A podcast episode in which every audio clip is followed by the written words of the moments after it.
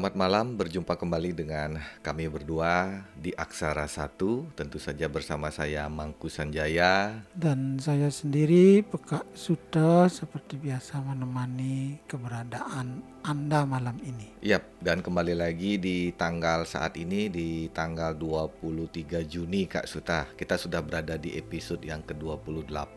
Wah, angka sudah mulai bertambah episode Ya. kita sudah mulai semakin banyak. Mudah-mudahan semakin eh, lama Aksara Satu ini bisa menjadi sebuah hiburan yang bermanfaat.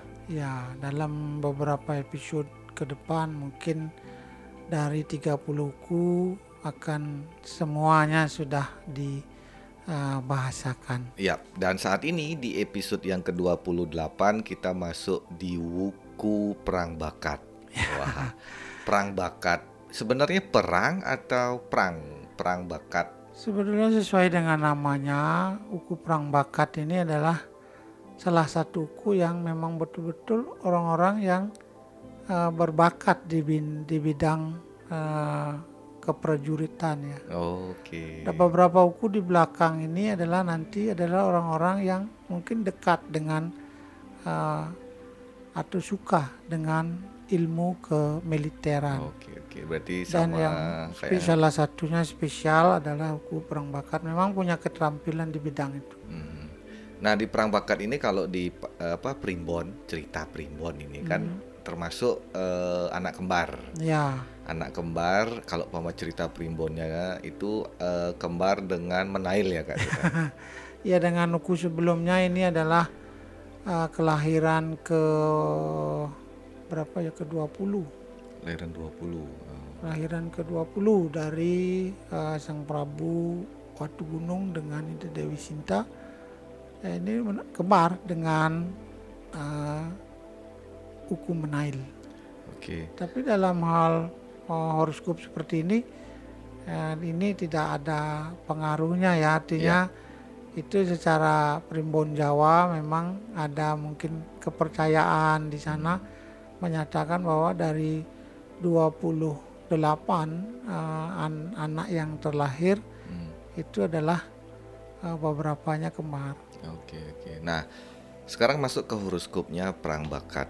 Perang bakat tadi sudah disampaikan oleh Kak Suta ada beberapa diha- diartikan arfiah berbakat gitu ya. ya, Jadi sama kan kayak Wuku Uye, Wuku Uye juga memiliki kewaspadaan yang ya, yang cukup dan eh, senang dengan ilmu keprajuritan. ya.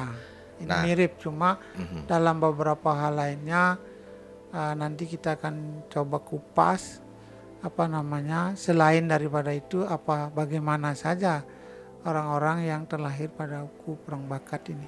Oke, nah sekarang masuk ke karakter horoskopnya di Wuku Perang Bakat. Barangkali para pendengar Aksara Satu yang lahir berada di bawah naungan Wuku Perang Bakat. Kalau menurut eh, pembacaan saya yang ada di Wariga ini Kak Suta, memang Perang Bakat itu apa ya orangnya tidak apa sama seperti karakter-karakter yang lain. Jadi ada yang memiliki apa semangat untuk kerja keras. Tapi dari dari wuku-wuku yang lain yang memiliki semangat kerja keras, menurut saya di Warige tidak ada yang ngalahin keberuntungannya perang bakat. Ya, Gimana menurut pandangan Artinya dan begini tulisan ya. ini? kalau dalam dunia modern seperti sekarang ini perang atau keprajuritan ini tidak diukur dengan dengan notabene menjadi seorang prajurit ya. Ya, notabene menjadi seorang uh, pasukan perang Ya. atau menjadi tentara dan lain sebagainya. Tetapi dalam ini dalam hal ini lebih dititik beratkan kepada kemampuan mereka dalam uh, Perjuangan berperang hidup. ya dalam ber- ber- berperang dalam perjuangan hidup Hmm. dalam apa namanya meraih cita-cita yang mereka inginkan keteguhan hati dan lain sebagainya. Artinya apa yang seperti yang tertulis di dalam beberapa sumber yang pernah saya baca, mereka mem- memang memiliki apa namanya kepintaran atau eh, pandai ya di dalam mencari rezeki dan lain sebagainya. Nah ini termasuk pandai dalam hal bersaing karena bersaing ini pun bisa dikategorikan mampu berperang dalam segala hal. Karena saat ini oh, dalam dunia yang disebut dengan pasar bebas dan lain sebagainya, kalau orang seorang pedagang pun harus berperang Ya. baik ya. itu berperang harga, baik itu Harga, berperang kualitas, kualitas, dan lain sebagainya Servis dan dan lain sebagainya itu pun bisa dikatakan berperang. Nah pionir-pionirnya inilah juga bisa dikategorikan seorang prajurit yang mampu meraih atau me- mencapai kemenangan di dalam hal peperangan ini. Jadi kalau orang-orang perang bakat ini memiliki uh, jiwa-jiwa pemberani yang berani berspekulasi dalam arti Oke. Artinya mereka mampu bersaing dengan orang-orang yang memiliki keberuntungan lainnya. Ya, ya. Ya, dalam hal ini walaupun terkadang terkesan kaku, kemudian terkadang harus banyak berubah-ubah. Sekarang begini, besoknya lain lagi dan lain sebagainya. Oh ya, Kayak karena ini- kan di tulisan juga saya baca ya pikirannya mudah berubah-ubah. Ya, ini artinya karena apa? Karena mereka tetap harus menyesuaikan setiap hari apa yang harus di, dikerjakan atau dilaksanakan untuk mencapai satu kemenangan tentu tidak harus sama dengan apa yang kita rencanakan sebelumnya. Jadi orang-orang yang terlahir di buku perang bakat ini mampu dalam beberapa menit atau dalam beberapa waktu yang singkat merubah strategi. Ya, ya. Jadi berubah-ubah ini belum tentu ah, pikiran orang kadang-kadang orang berpikir negatif bahwa orang yang berubah-ubah pikirannya itu bisa dikategorikan jelek ya. Tetapi orang-orang yang terlahir di hukum perang bakat ini tergantung ter- tergolong orang-orang yang cukup konsisten. Hmm. Mereka untuk mencapai sebuah kemenangan atau tujuan yang mereka harapkan, mereka akan selalu menggunakan cara terbaik yang menurut mereka bisa berhasil untuk mencapai apa yang mereka inginkan. Ya, jadi kayak memang orang perang bakat ini memiliki karakter atau mungkin bawaan dia sudah pintar dalam segala pekerjaan. ya, Jadi apa pun nanti dikasih dia kerjaan, pokoknya ya, cepat dia bisa. kan? cepat bisa menyesuaikan diri, cepat bisa apa namanya paham dengan uh, apa yang harus dikerjakan. Kalau Ya. kesehatan gimana Kak Suta orang bakat? Di dalam beberapa sumber saya baca sih tidak ada, cuma mereka ada literatur yang atau kalau di Bali ada satu lontar mengatakan bahwa mereka itu harus berhati-hati ketika berada di ketinggian. Misalnya mereka naik atau menuruni eh, jalan yang terjal dan lain sebagainya ini hati-hati karena bahaya mereka ada di sana. Probabilitasnya dari sana. Ya. Jadi dan juga terkadang orang-orang perembakan ini sebetulnya orang-orang yang suka menolong orang, uh, suka apa namanya uh, mengerti dengan penderitaan orang, tetapi terkadang mereka juga sangat apa uh, takut kehilangan ya atau Takut kehilangan apanya ini? dalam arti walaupun mereka suka menolong mereka tetap takut kehilangan akan harta bendanya. Hmm, Ya, tapi bukan berarti pelit ya. Saya tidak mengatakan itu bahwa itu pelit. hmm, Artinya mereka bisa bekerja atau lebih dari apa yang diperintahkan oleh orang. Misalnya apa dalam bermasyarakat, hmm, mereka bisa lebih mengerti dari yang lainnya. hmm. Ya, cuma mereka terkadang seperti apa yang saya katakan, walaupun mereka takut kehilangan akan harta bendanya, tapi bukan berarti mereka tidak suka berderma ya. Ya, ya. Artinya tetap saja, eh, tapi terkadang mereka suka eh, mencari-cari kesalahan orang. Hmm. Berarti kalau seumpama kita sudah sampai di wuku perang bakat dengan dari mulai Sinta sampai perang bakat saat ini dengan banyaknya kita mengupas eh, tulisan Warige yang berada di wuku-wuku itu Kak Suta kan berarti masih antara sama lah karakter-karakter antara yang lain Iya. kan. Memang ada sedikit-sedikit aja perbedaannya kan istilahnya ada yang menjurus kayak seperti contoh nih perang bakat suka membantu. Di wuku sebelumnya juga ada wuku Dungulan juga kan dia juga Ya. se- sering membantu apa eh, suka membantu dengan konteks dia membantunya ikhlas banget, tidak peduli dia mau dia Ya. Punya, mau dia Mau dibohongi? dibohongi, pokoknya membantu. Ya, Berarti memang karakter ini mungkin kalau seumpama sederhananya orang mendengar wah karakter sih segitu-segitu aja gitu kan karakter Ya. manusia sih segitu-segitu tapi kalau pama di nanti kita masuk ke season kedua Ya. detail. Nah, itu baru kita bisa menjelaskan Ya. secara detail apa perbedaannya antara orang suka membantu perang bakat dengan dungulan contohnya.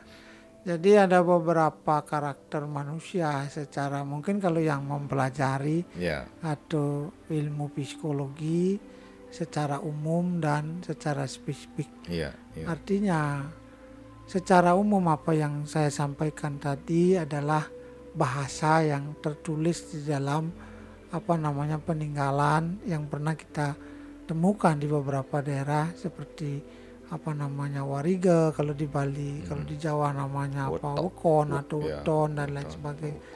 Nah ini hanya merupakan salah satu pedoman.